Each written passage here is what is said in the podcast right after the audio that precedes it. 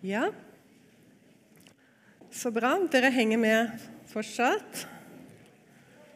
Det er ofte litt sånn skummelt med pauser, for da Bare det ikke er for mye mat i pausene, så går det bra. Skal vi se. Ja, det er jo en knallåpning i andre kapittel. Helt utrolig. Og Vi må bare lese det første verset der. Det er, det er, det er så bra. Men det oppsto også falske profeter blant folket. Liksom det òg blant dere skal komme falske lærere som skal lure inn vrange lærdommer som leder til fortapelse, idet de endog nekter den Herre som kjøpte dem, og fører over seg selv en brå fortapelse. Apropos det jeg sa om eh, Peters helt utrolige evne til å samle så mye i eh, ett vers, som er bare sånn wow, liksom. Hva er det du sier her? Um, nå er det kanskje flere ting dere som med en gang lurer på. Dette med, uh, dette med falske profeter og lærere, sier jo han da. Så det hjelper oss litt. Men ellers så er det jo sånn at uh, det vi tenker på med profeter ofte, det er jo de som først og fremst taler om det som ennå ikke har kommet. Som ser inn ikke sant, i eh, fremtid ved Guds nåde og kan eh, forutsi det som skal komme. Det er liksom noe vi tenker på som først og fremst noe som kjennetegner det profetiske. Er det ikke sant? Jo. Men eh, hør her. F.eks. i jødedommen så er det ikke sånn. Og Derfor så regnes jo ikke Daniel som en profet. Så i Tenach, i den jødiske bibelen, så står ikke Daniel blant profetene. Og En av grunnene til det det er nemlig at profet, eh, Daniel han lærte ikke, og han formante ikke. Eh, alle profetene eh, i Det gamle testamentet, utenom Daniel, tror jeg faktisk, altså, er jo de som taler til folket ikke sant? om omvendelse, om å komme tilbake til ordet om å høre ordet, om å vende om. Det er det som kjennetegner de gamle, gammeltestamentlige profetene. Og i jødedommen det som på en måte må være til stede for at noen skal være en profet. Derfor er det en av hovedgrunnene til at Daniel står blant skriftene og ikke blant profetene i den hebraiske bibelen. Var ikke det en liten sånn viktig greie å være klar over? Sånn at Når det, eh, Peter da snakker om falske profeter, så snakker han jo nettopp inn i dette, denne sammenhengen av at de lærer. De underviser, de taler om ordet, de taler til folket. Jeremia er jo en klassisk ikke sant, profet. Han som ofte blir kalt for den gråtende profet. Han hadde sikkert ikke grått så mye, hadde ikke vært for alle de falske profetene. Eh, nå snakker jeg litt om det fordi Peter gjør det her. Han sier på samme måte som de kom i gammel tid, de falske, skal de komme eh, inn iblant dere og lure inn. Det er interessant. Her skjønner man jo at det er noe som det er innenfor. Så Det er ikke så lett å liksom tenke at ja, det må være sånn type sånn Christian Science eller mormonere mm, Nei. Det er nok litt for lite skummelt, for det er noe som er innenfor. Og hør nå På engelsk så faktisk så har nesten Jeg har sjekket mange mange engelske oversettelser. Og de bruker så mange forskjellige ord på dette hemmelige. Altså de lurer inn. De lurer det inn hemmelig. Men det er én oversettelse som bruker eh, Steltly. Er det et ord du kjenner? Det er ganske kult. Har, har, noen hørt om steltfly? Som brukes i militæret. Det det er fly som er laget for å unngå radar og alle infrarøde instrumenter. Og En av de mest kjente, og kanskje det første, var vel Nighthawk i USA. Som du rett og slett ikke kan oppdage. Og så ser du at andre engelske oversettelser de bruker noe sånt noe som subtilt. Guri, da skjønner du at dette handler ikke om mormonere og, eh, og uh, Jehovas vitner eller noe sånt. Noe. Det er ikke det Peter snakker om her.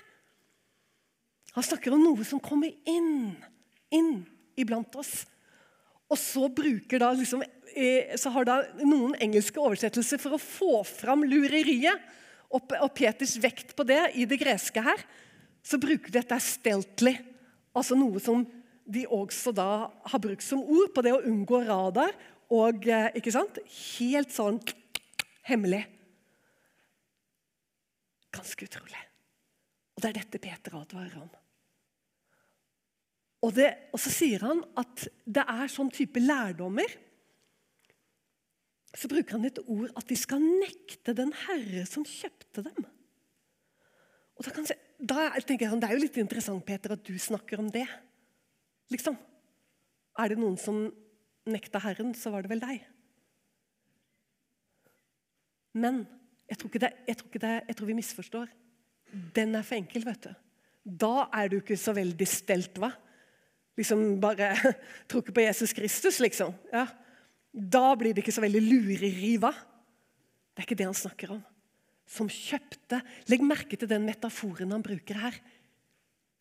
Som kjøpte oss. For et bilde! Du vet at Nytestamentet bruker veldig ofte slavebildet i vår relasjon til Gud.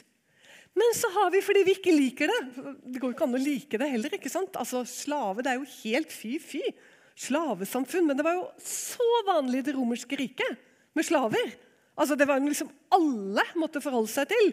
Eh, jeg vet ikke hvor stor del av de, av de som bodde i Roma for eksempel, eller i Romerriket, var slaver. Kanskje 30% kanskje 40 kanskje 20 Det er vel ingen som vet helt sikkert. Men det var kolossalt mange. Så har alle liksom forholdt seg til det. Og så bruker Peter den metaforen som har kjøpt oss. ikke sant? Husk Peter når han introduserer seg selv i romerbrevet, så sier han 'Jeg, Paulus, Jesu Kristi slave'. Og det har vi skrevet, vet du, fordi vi likte ikke det så har vi skrevet 'Jesu Kristi tjener'. Og det gjorde vi med Maria også. Når Maria ikke sant, får eh, denne beskjeden fra engelen sant, under bebudelsen så sier hun 'Jeg er Herrens tjenerinne', leser vi så fint. Det er ikke det hun sier. Hun sier 'Jeg er Herrens slave'. Og Det samme sier Paulus.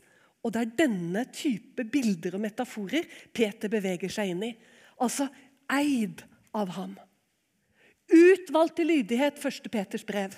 Satt til side fra verden. Hva betyr hellig, dere? Hva betyr hellig på hebraisk? Det betyr uttatt, tilsidesatt. Dette går igjen overalt i Det nye testamentet.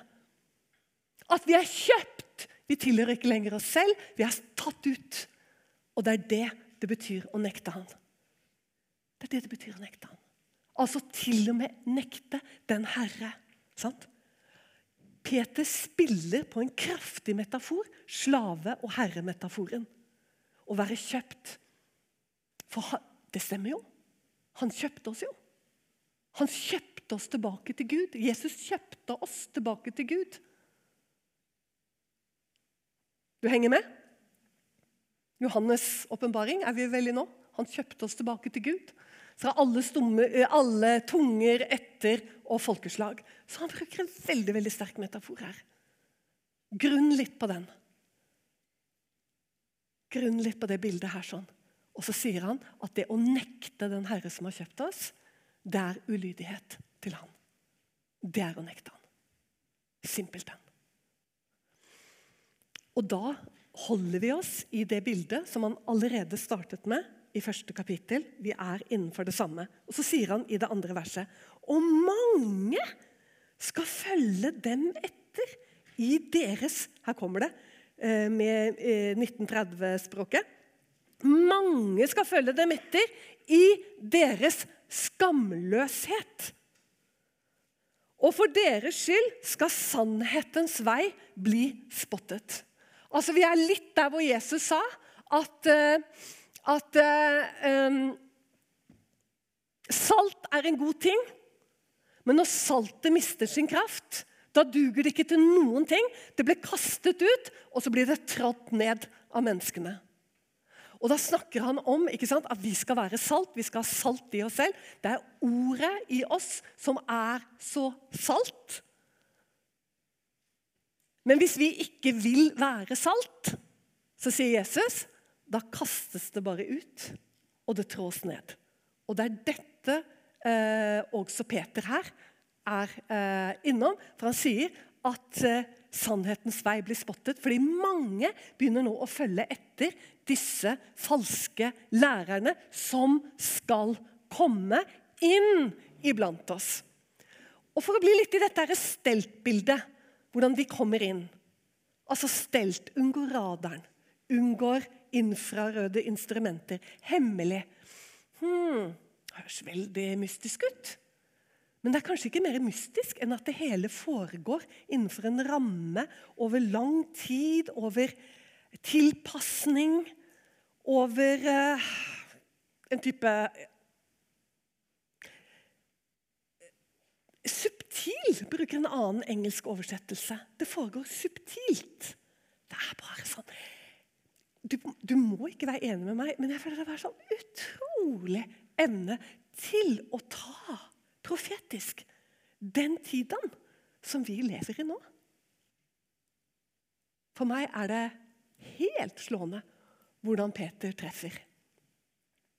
Og så fortsetter han å snakke om men, men, men, hva er det det først og fremst skal kjennetegnes med? Og så sier han dette her eh, fra sjette verset.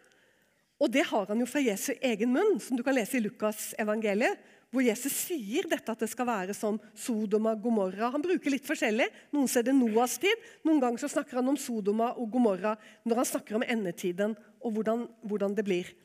Og så sier han eh, fra det sjette verset om Sodoma og Gomorra og eh, hvordan Gud skal fordømme eh, den eh, ugudelige verden. Og at han har satt dem som forbilde på hvordan det kommer til å bli i den verden vi er i.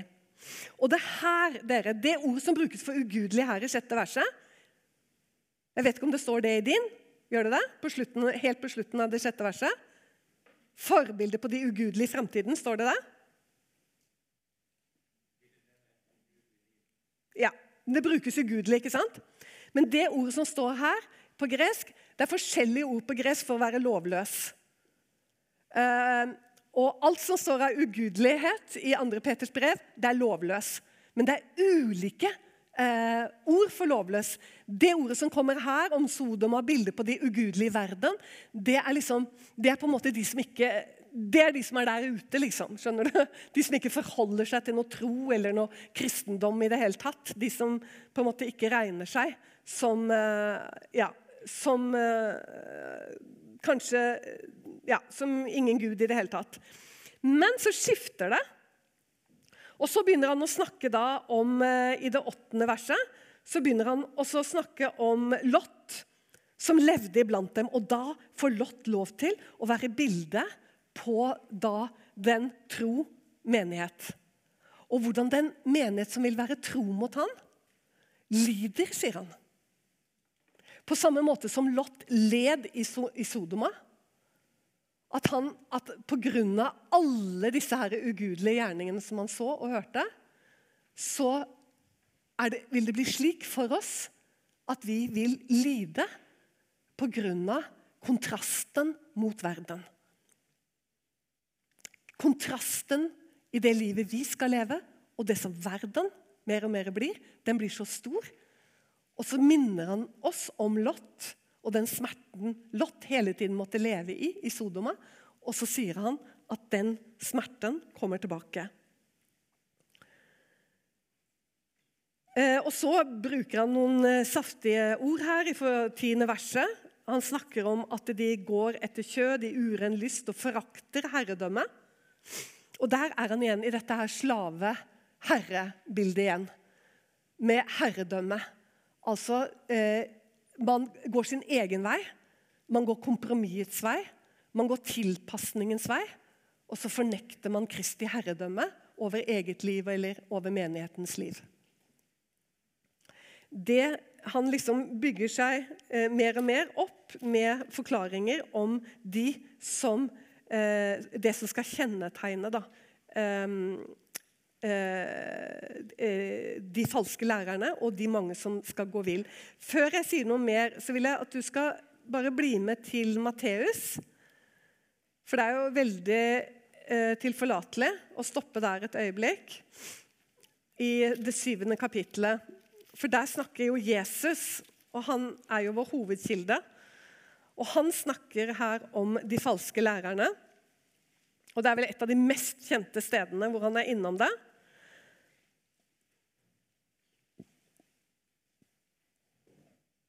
Han sier fra det 15. verset.: Men vokt dere for de falske profeter. Det er, jo dette, det er jo her Peter har det fra. Vokt dere for de falske profeter, som kommer til dere i fåreklær, men innvortes er glupende ulver. Og Så begynner han å snakke om treet og fruktene og sånn og sånn. Og så sier han i 21. verset, altså vi skal kjenne det på vi skal kjenne treet på fruktene. Så sier han ikke enhver som sier til meg, Herre, Herre, skal komme inn i himlenes rike, men den som gjør min himmelske Fars vilje. Mange skal si til meg på hin dag, Herre, Herre, har vi ikke talt profetisk ved ditt navn og utdrevet onde ånder ved ditt navn og gjort mange kraftige gjerninger ved ditt navn? Og da skal jeg vitne for dem. Jeg har aldri kjent dere. Vik bort fra meg, dere som gjorde lovløshet. I noen oversettelser så står det 'gjorde urett'. Det er feil. På gresk så står det et ord her som bare kan oversettes. Det er veldig rart at man har gjort det, men det er litt det samme igjen. At man liksom Man, man vil ikke alltid eh, ta Det er litt sånn slave-tjener. Istedenfor å skrive 'slave', sånn som Maria sa 'Jeg er Herrens slave', så skriver man 'tjenerinne', for det høres bedre ut. Og det er litt det samme her. da. Man skriver da uh, uh, uh, Man skriver 'dere som gjorde urettferdighet', istedenfor 'dere som gjorde lovløshet'. Hvordan skal vi forstå det, at Jesus sier det? det er jo der, det, Her legger han jo en grunnvoll, og han sier han sier jo ikke 'noen skal komme til meg på hin dag' og si 'det hadde jo vært mye bedre'. Liksom. Eh, at noen kom og sa. Men han sier at mange skal komme. Og så sier Peter Hva det han sa for noe? Han sa at mange skal følge etter dem.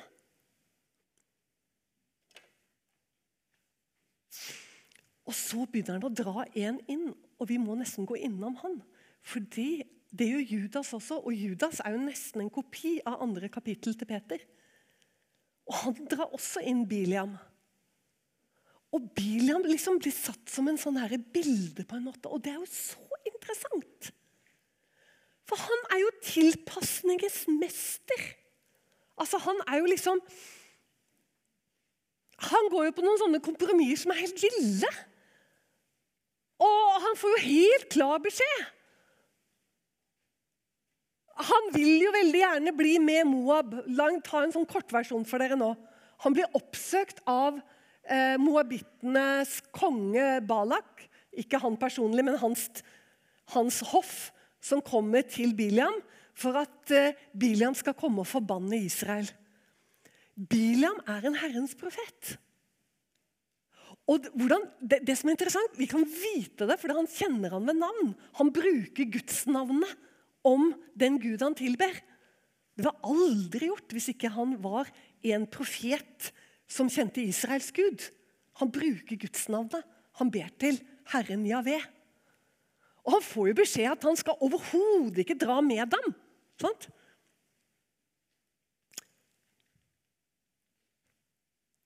Så, så, gjør han ikke det. Men så kommer de igjen, og da har de med seg enda liksom, eh, bedre løfter. Og, og så vil nå Bilian veldig gjerne på en måte være en del av disse flotte moabittene og holde seg inne med dem. Så hjertet hans, vet du, Det er jo det som er så skummelt her. Og Det er derfor Biliam han kommer tilbake i Nytestamentet flere ganger. Han kommer i Johannes' åpenbaring. Overfor menighetene der kommer han som en advarsel. Dere har noen der som holder fast på Biliams lære. Hva er det for noe, liksom? Jo, det er tilpasningens mester.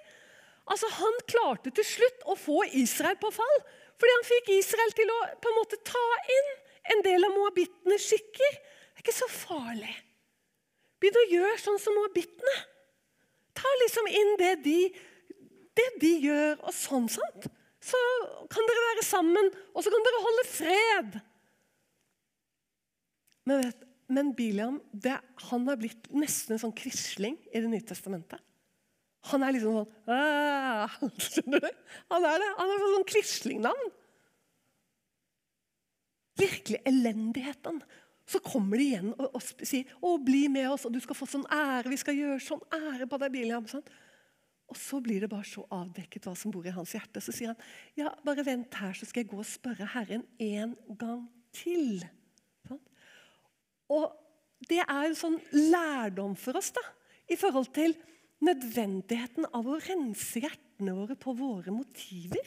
Altså Det er farlig å ha med Gud å gjøre hvis vi ikke på en måte lever i det som Peter her har skrevet til oss om allerede fra første kapittel. I den avholdenheten og liksom gudfryktigheten i forhold til vår natur. Som har en veldig sterk vilje. Og den blottlegges med profeten Biliam. Så bra i Gammeltestamentet at jeg nesten mener at det gjøres bedre enn noe annet sted. Jakob sa 'rens hjertene, dere tvesinnede'. Det er jo så bra! Jeg mener, Det er jo bare en sånn status på å være en kristen. Det er jo sånn du blir edru. Rens hjertene! Ja, vi er full av doble motiver. Men hos Biliam så kommer det så tydelig fram. For han er liksom profet, og han er så hellig. Og jeg kan ikke gjøre noe annet enn det Herren eh, sier. Jeg kan bare tale det han sier. Men vent her, så skal jeg høre hør nå, om han har noe mer å si. Og da, bare, og da kommer det, vet du. Og dette er jo også sånn skummelt, skummelt. Da sier Gud OK, dra med dem, men tal ikke noe annet enn det jeg gir deg. Og Bilen tror alt er greit, og han drar av gårde på dette lille eselet. Og det er jo da vet du, det skjer, og man skjønner ingenting. Og plutselig så bare, står det en engel der med et draget sverd. Og eselet begynner å oppføre seg helt vilt. Jeg, kan, jeg må bare korte ned dette her, men det er jo bare så utrolig bra. Og englene sier det. Hadde det ikke vært for eselet i bilen, hadde jeg drept deg. Gud, du sa jo at han kunne dra! Og nå skal du drepe han, liksom? Men det er akkurat dette. Rens hjertene. Bilian visste at han ikke hadde noe med moabitten å gjøre. Han visste at han hadde ikke noe med å gå i tospann med dem. Gå ikke i fremmed åk med vantro. Her er han i fremmed åk på sitt esel og de på kameler. Jeg syns jeg ser han. Og eselet oppfører seg helt vilt. ikke sant? Og han er rasende, for han vil så gjerne dette her. Og det er bare en vei til ulykke. Og Det ender jo til slutt med at Biliam dør, men han er blitt stående inn i Nytestamentet som bilde på en falsk profet. Og hva er det han gjør for noe? Han klarer til slutt å føre Israel på et forferdelig fall. Fordi han nettopp drar inn moabittenes kultur og får israelittene til å blande seg med dem og ta inn dette. Det er ikke så farlig. Og det er det som kjennetegner dem. Alltid, til alle tider. Det er ingenting nytt under solen. Det er fred. Fred og ingen fare. Og da tar vi med Jeremia. For det er det andre store, viktige bildet. Det er Jeremia kapittel 27 og 28. Er det noen som fikk tid til å lese det? Veldig få. det gjør ikke noe. Kapittel 27 og 28, les det hjemme før du sovner i kveld. Siden du nå ikke var flink og gjorde det før du kom hit i dag. Så kan du lese det nå, for det er så bra. Det er liksom for at du skal lese noe knallbra før du sovner i kveld. rett og slett. Derfor sier jeg det til deg. Les Jeremia 27, 28. Hvis du har lyst til å kjenne eh, hva er det som kjennetegner disse falske profetene. Hanania er et glimrende eksempel. Han er ingen Jehovas vitne, han er ingen mormoner. Han er inne i Guds menighet. Han er av profetslekt, han er en israelitt. Og han er en motstander, død. Eh, for han har nemlig den planen at Nei, vi skal ikke høre på Jeremia. Vi skal ikke ha noen negativ forkynnelse her. Vi skal ikke ha noen nederlagsforkynnelse her. Nå snakker jeg med litt sånn moderne språk, da. Men sånn er Hanania. For Jeremia han har fått beskjed at folket må ydmyke seg. Det er en tid for å ydmyke seg. Mens Hanania han er liksom vekkelsesprofeten. Liksom, vi skal bare stå der og skal vi bare se hvordan Gud skal gjøre det. Og hvordan alt bare skal komme tilbake. Situasjonen, dere. Hør nå. Situasjonen, For deg som ikke kjenner tiden. Det, vi er nå like før Jerusalem raseres og hele folket går i fangenskap til Babylon. Er du med? 500-tallet før Kristus. Jeremia har fått beskjed av Gud og advare at pga. deres grusomme synder og forferdelig frafall fra Herren, så har Gud sagt Jeremia, ta på deg et åk av tre. Ta på deg et åk av tre og gå ut til folket og fortell dem at de skal tjene Nepukadnesar og Babylons konge. Men, sier Jeremia, det er bare for en tid. Han forteller dem det er en tid for å ydmyke seg. Det er en tid for å være lydige og høre. For Gud har sagt 70 år skal dere tjene i Babylon. Og det kommer til å gå bra for dere, og dere kommer tilbake. Alt dette sier Jeremia, og han sier det helt bokstavelig 70 år. Det er fantastisk. Han skriver det ned før historikerne. De har skrevet det ned i ettertid. Det Babylon, nybabylonske riket varte i 70 år. Jeremia han skrev det før det skal vare i 70 år. Så han trøsta folket mens han gikk med dette treåket. Men så var det andre profeter og Det er derfor det var så kjipt for Jeremia å være profet. For det var jo florerte av falske profeter. Og de sa 'fred, fred og ingen fare'. Å, liksom, Nå skal vi bare stå, og det kommer vekkelse, og det er bare herlige tider. Og han var, han var bare skikkelig sånn, vet du. Og, og, så sier han imot Jeremia foran hele tempelet, hele folket, alle de religiøse lederne, så sier han det at uh, de skal ikke tjene Babylon. Han går rett imot Jeremia. Og så sier han om to år profeterer falskt, galt. sier han, Om to år kommer alle skattene som babylonerne allerede har stjålet fra oss, for de hadde allerede vært og tatt alle de flotte tingene i tempelet. Og om to år kommer alt sammen tilbake. Så veldig overmot. Det er Hanania. Og det er bare så viktig å kjenne denne røsten. Og det er liksom bare ah, Bare gode nyheter, venner! Folk, Det ypperste av folket kommer tilbake. Alle karene, alt de har stjålet fra tempelet. Om to år er alt her igjen. Og vet du hva han gjør for noe? Så går han bort foran alle de religiøse lederne. Så tar han åket av Jeremias nakke, og så knekker han det. Og Jeremia jeg tenker, For et forbilde han er for oss. Så ydmyk. Og så sier han alle profeter som har talt, sier han, har forkynt om krig, pest altså, Og advart, sier Jeremia. Profetens oppgave er ikke å si fred, fred og ingen fare. Profetens oppgave er nesten alltid, og du kan kjenne det nesten litt sånn herre Du kan nesten smake litt at det er ekte saker. Når profeter taler, så er det gjerne i tider hvor det er omvendelsesbudskap. Det er det som kjennetegner dem. Og faktisk, som jeg sa, i jødedommen så er det det som tilsvarer om det er en profet eller ikke. Så sier Emia om det skulle være sånn, da vil det vise seg, sier han. Om dette er sant, det Hanania taler. Bare, jeg synes jeg ser han plukker opp resten av sitt eh, treåk. Og jeg tror ikke han har kommet langt av gårde før Gud henter han inn. Og så sier han, Hanania, gå tilbake til folk og si at ja, et åk av tre ble brutt. Men i stedet så får dere et åk av jern. Vet du hva det betyr? Det betyr Hadde de hørt på Jeremia, så hadde de blitt okkupert av Babylon. Tempelet hadde ikke blitt ødelagt, byen hadde ikke blitt ødelagt. Men de hadde vært under okkupasjon, en tid for å ydmyke seg, søke Gud, søke Ordet. Og etter 70 år så hadde de fått lov å se at alt profeten sa, gikk i oppfyllelse, og de fikk lov å komme tilbake. Skjønner du? De fikk lov til igjen å bli fri, det babylonske åket. Det var treåket. Men så får Jeremia beskjed. I stedet så bytter jeg det ut med et åk av jern. Og hva ble det? Det ble total ødeleggelse av Jerusalem. Nedbrenner hele te tempelet. Og de blir slaver i Babylon. Hele folket, så å si, blir eh, bortført. Det er konsekvensene av falske profeter. Det er ett bilde. Bilian var et annet bilde for deg. Det er mange av dem i Det gamle testamentet, men jeg sier det fordi, eh, fordi Peter sier at på samme måte som de kom i Gamle testamentet, kommer de igjen. Og de taler ikke omvendelse. De taler ikke gudfryktighet. De taler ikke eh, å vandre i ånden og, eh, og eh, leve i avholdenhet fra kjødet. Det er ikke deres språk. De taler seier, de taler fred. De har alltid gjort det.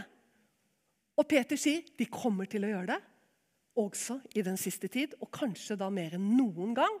For som Jesus sa, mange kommer til å følge etter dem. Men de kommer til å si ja, men Herre, vi har jo profetert i ditt navn. Vi har jo utdrevet onde ånder i ditt navn. Vi har gjort kraftige gjerninger i ditt navn. Bort fra meg, dere som gjorde lovløshet. Det bare burde få oss så edru. Ser du det? Så utrolig edru. Det står ikke 'bort fra meg, dere som gjorde urettferdighet'. Det står 'dere som gjorde lovløshet'. Og nå snakker vi ikke om Moseloven. Vi snakker om lovløsheten i forhold til Guds ord. Altså det at vi er utvalgt, som Peter sier, til lydighet. Om du ikke visste det.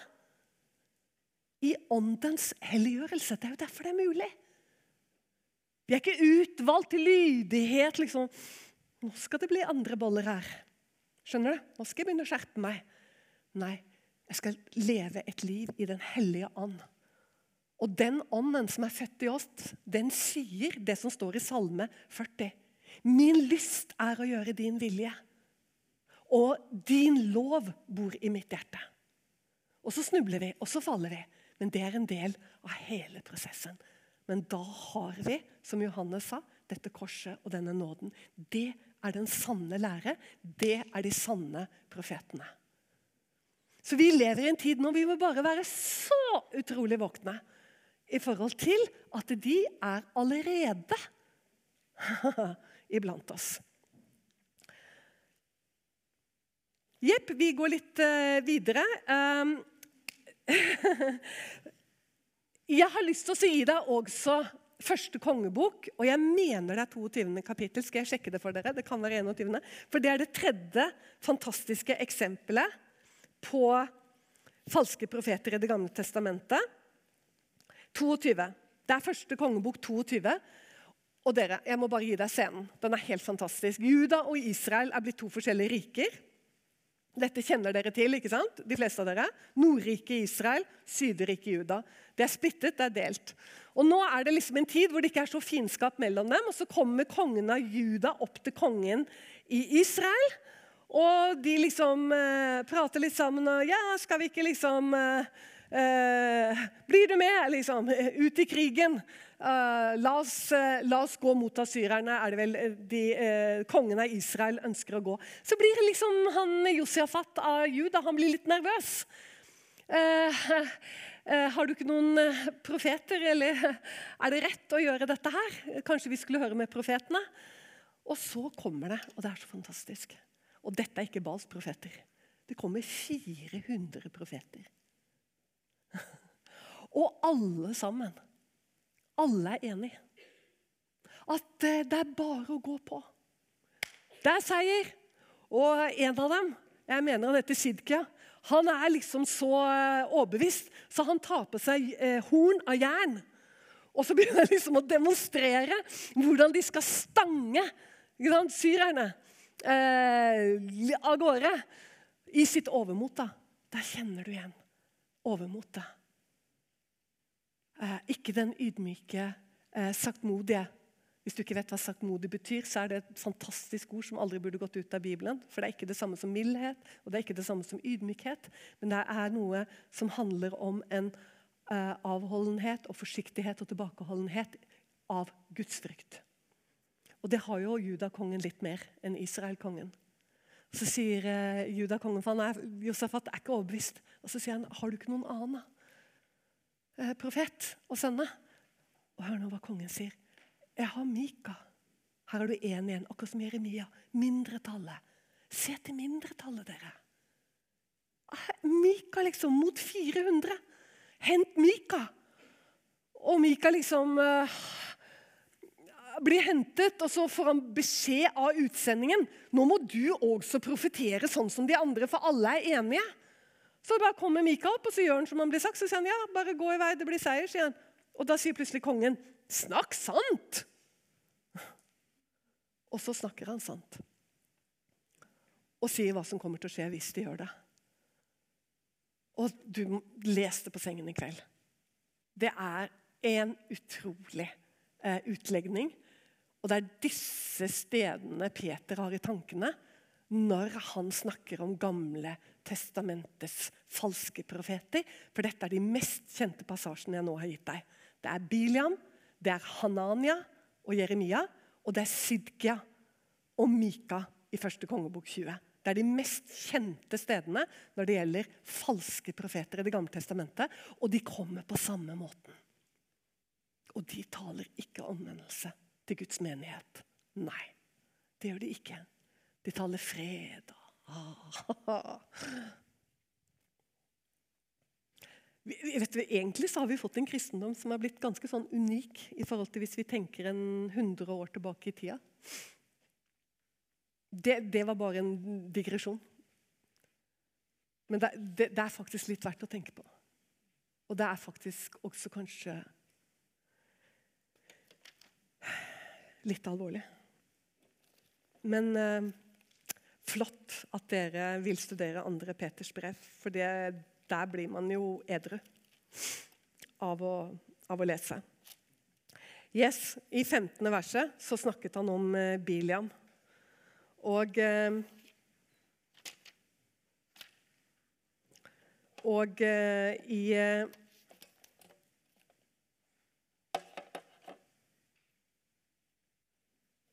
Jeg bare tror at vi kanskje da går videre til Judas, for jeg ser på klokken. Vi går til Judas brev. Og som jeg sa Han begynner jo så fint, han også. Juda, Judas Jesu Kristi tjener og Jakobs bror, til de kalte, som er elsket i Gud Fader og bevart for Jesus Kristus. Miskunn og fred og kjærlighet blir dere mangfoldig til del. Dere elskede. Sånn? Han taler til oss. Mens jeg gjorde meg all flid for å skrive til dere om vår felles frelse. Og så kommer det. Hør nå. Så jeg meg nødt til å skrive til dere med formaning om å kjempe for den tro som en gang er overgitt de hellige. Her kommer det igjen. Jeg bare må si Judas, sant? Jeg ser meg nødt til at dere må kjempe for den troen som ble overlevert fra Jesus Kristus og apostlene, sier Judas. Og Judas er ingen ringere enn Jesu Kristi, og vi må si halvbror, og Jakobs bror. Og, han, du, og det er noe med det òg, den ydmykheten, hvordan han presenterer seg. Han presenterer seg som Jakobs bror. Alle vet, alle visste i tidlig tid hvem han var. Han var Jesu bror. Men eh, ingen av disse gutta vet du, er opptatt av å være verken ledere eller å presentere seg som noe stort. i det hele tatt. Legg merke til hvordan Johannes presenterer seg i åpenbaringsboken. Jeg vet dere hadde Johannes' åpenbaring forrige gang. Se hvordan han presenterer seg. La dere vekt på det. Det tenker jeg er så viktig. Fordi han sier jo han sier 'Johannes, deres bror'. Han er den siste overlevende på den tiden som vandra med Jesus, som hadde vært sammen med han og kjente han. Han nevner det ikke. Han sier bare 'Johannes, deres bror', når han snakker til menighetene. Og så sier han 'som har del med dere i riket, i trengslene og i utholdenheten'. Det var hele hans introduksjon om hvem han er. Bare en bror og som har del med dere i trengselen og lidelsen og utholdenheten. Å være en kristen. Det er liksom Han summerer på å være en kristen. Det er riket, det er gleden, det er håpet. Og så er det den trengselen på grunn av det. Og så er det den utholdenheten vi har del i på grunn av kraften som er i nåden. Utholdenheten og vissheten og overbevisningen om det vi venter på, og det vi tilhører. Så samme måten snakker Judas, og så er vi de elskede sant, som er blitt bevart. Og så sier han at grunnen til at han skriver dette, er for at dere må ta vare på den troen. Dere må ta vare på den som en gang ble overgitt. Og så kommer de igjen med samme ordene som Peter. Hør nå. For noen mennesker har sneket seg inn. Og det er jo ikke noe rart. Det er liksom noen som sier å, her har vi første spiren til gnostisismen liksom, som dukker opp hos Judas.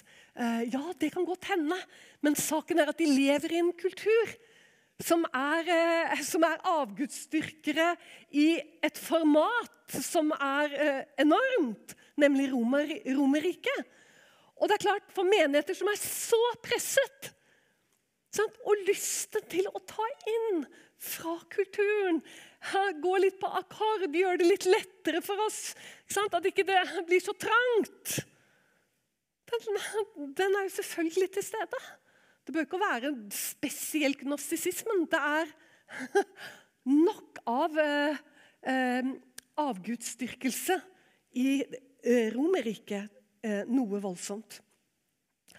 Men de har kommet inn, disse som vil gå på kompromiss med det romerske riket.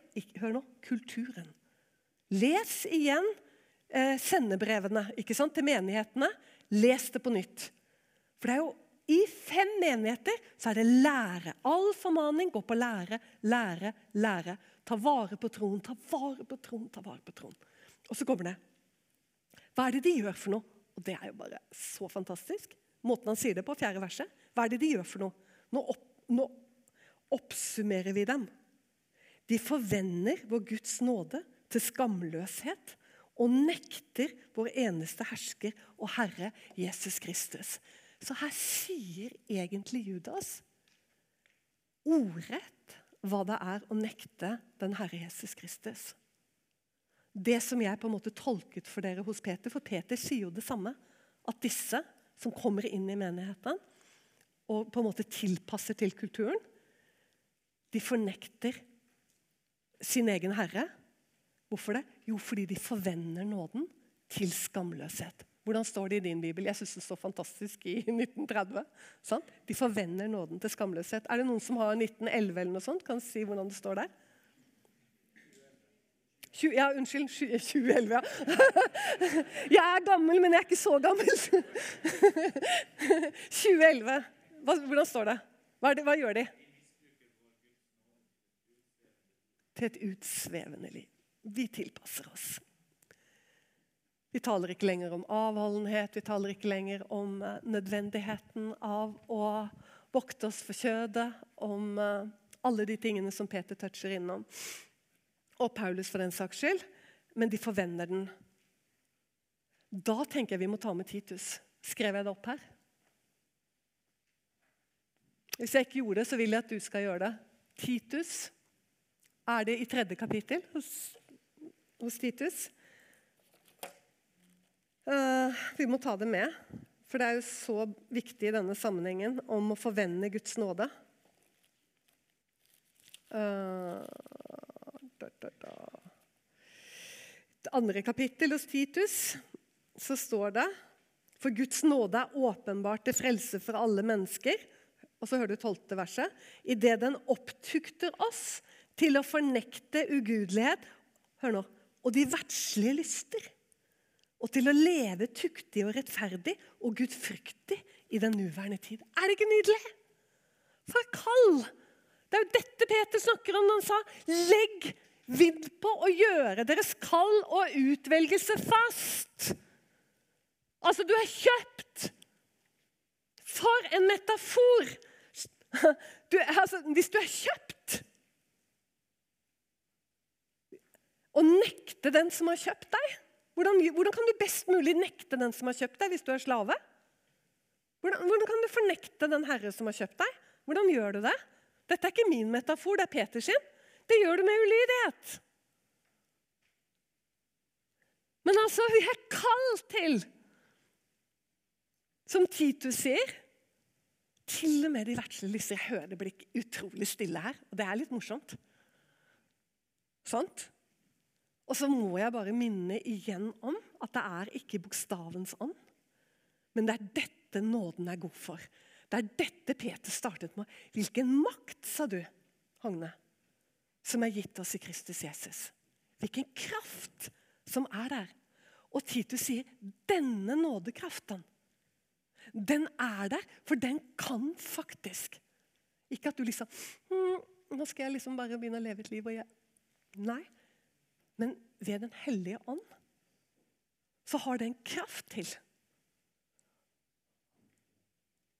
at du mer og mer jeg må bare si det sånn. Blir veldig, jeg vet at Verdsle er et ord som er nesten forbudt å bruke, men det er jo knallbra ord.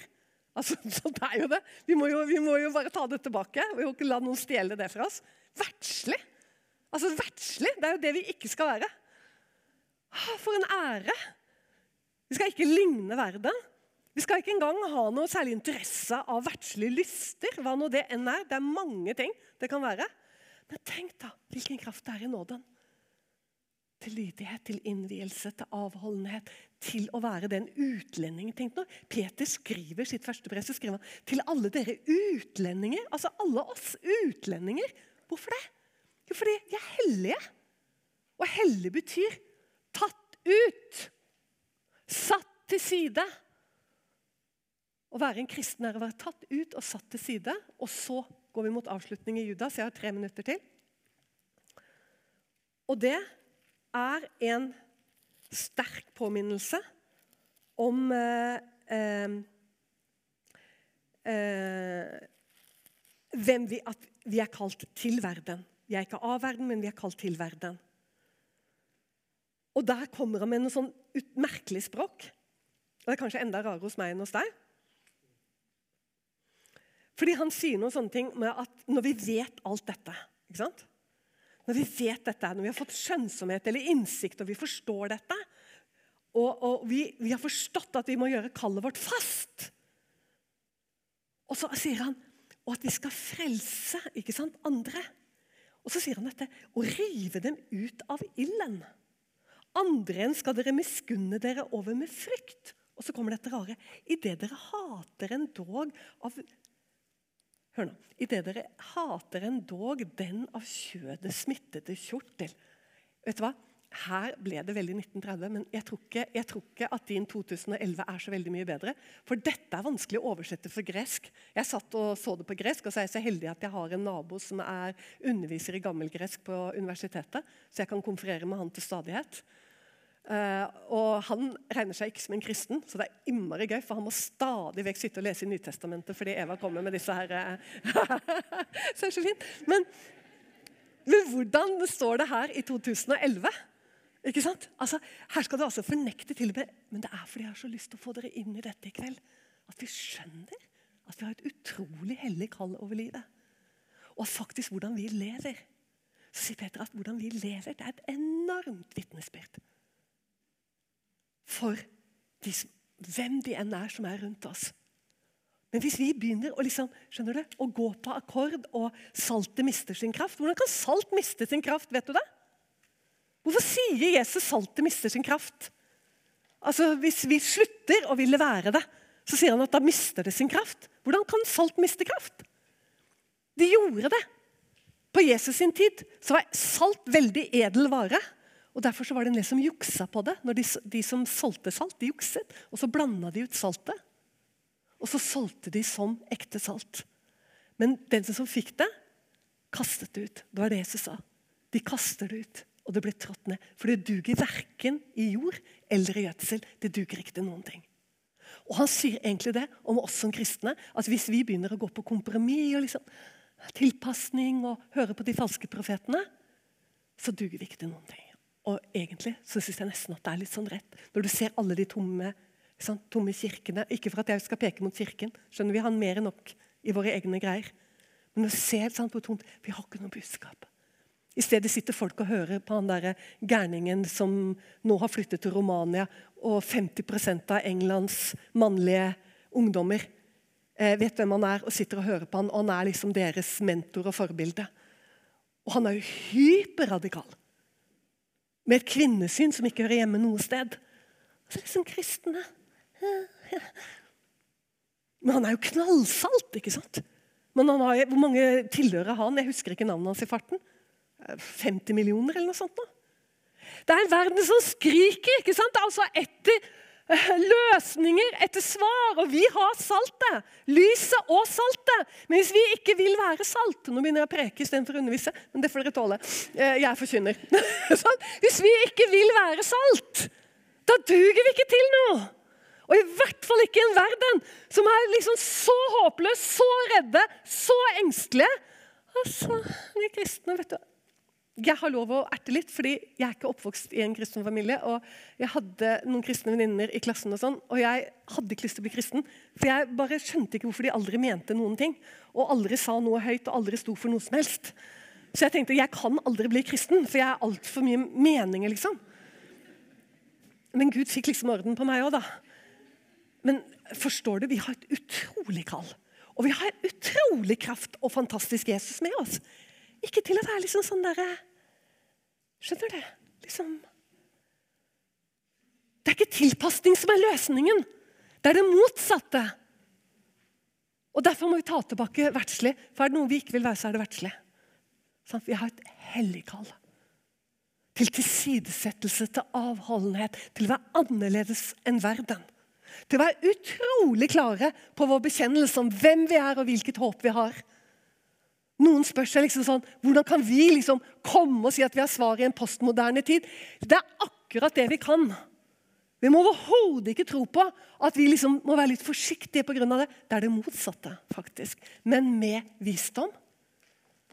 Og han har lovet at han gir visdom til den som ber om det. Han har lovet det, for han vet vi trenger det. For vi er ikke alltid så vise. Det var Judas brev. Eh, det var det. Klokka fem over ni. Og... Amen. Ja. Takk, Jesus. Takk, Herre.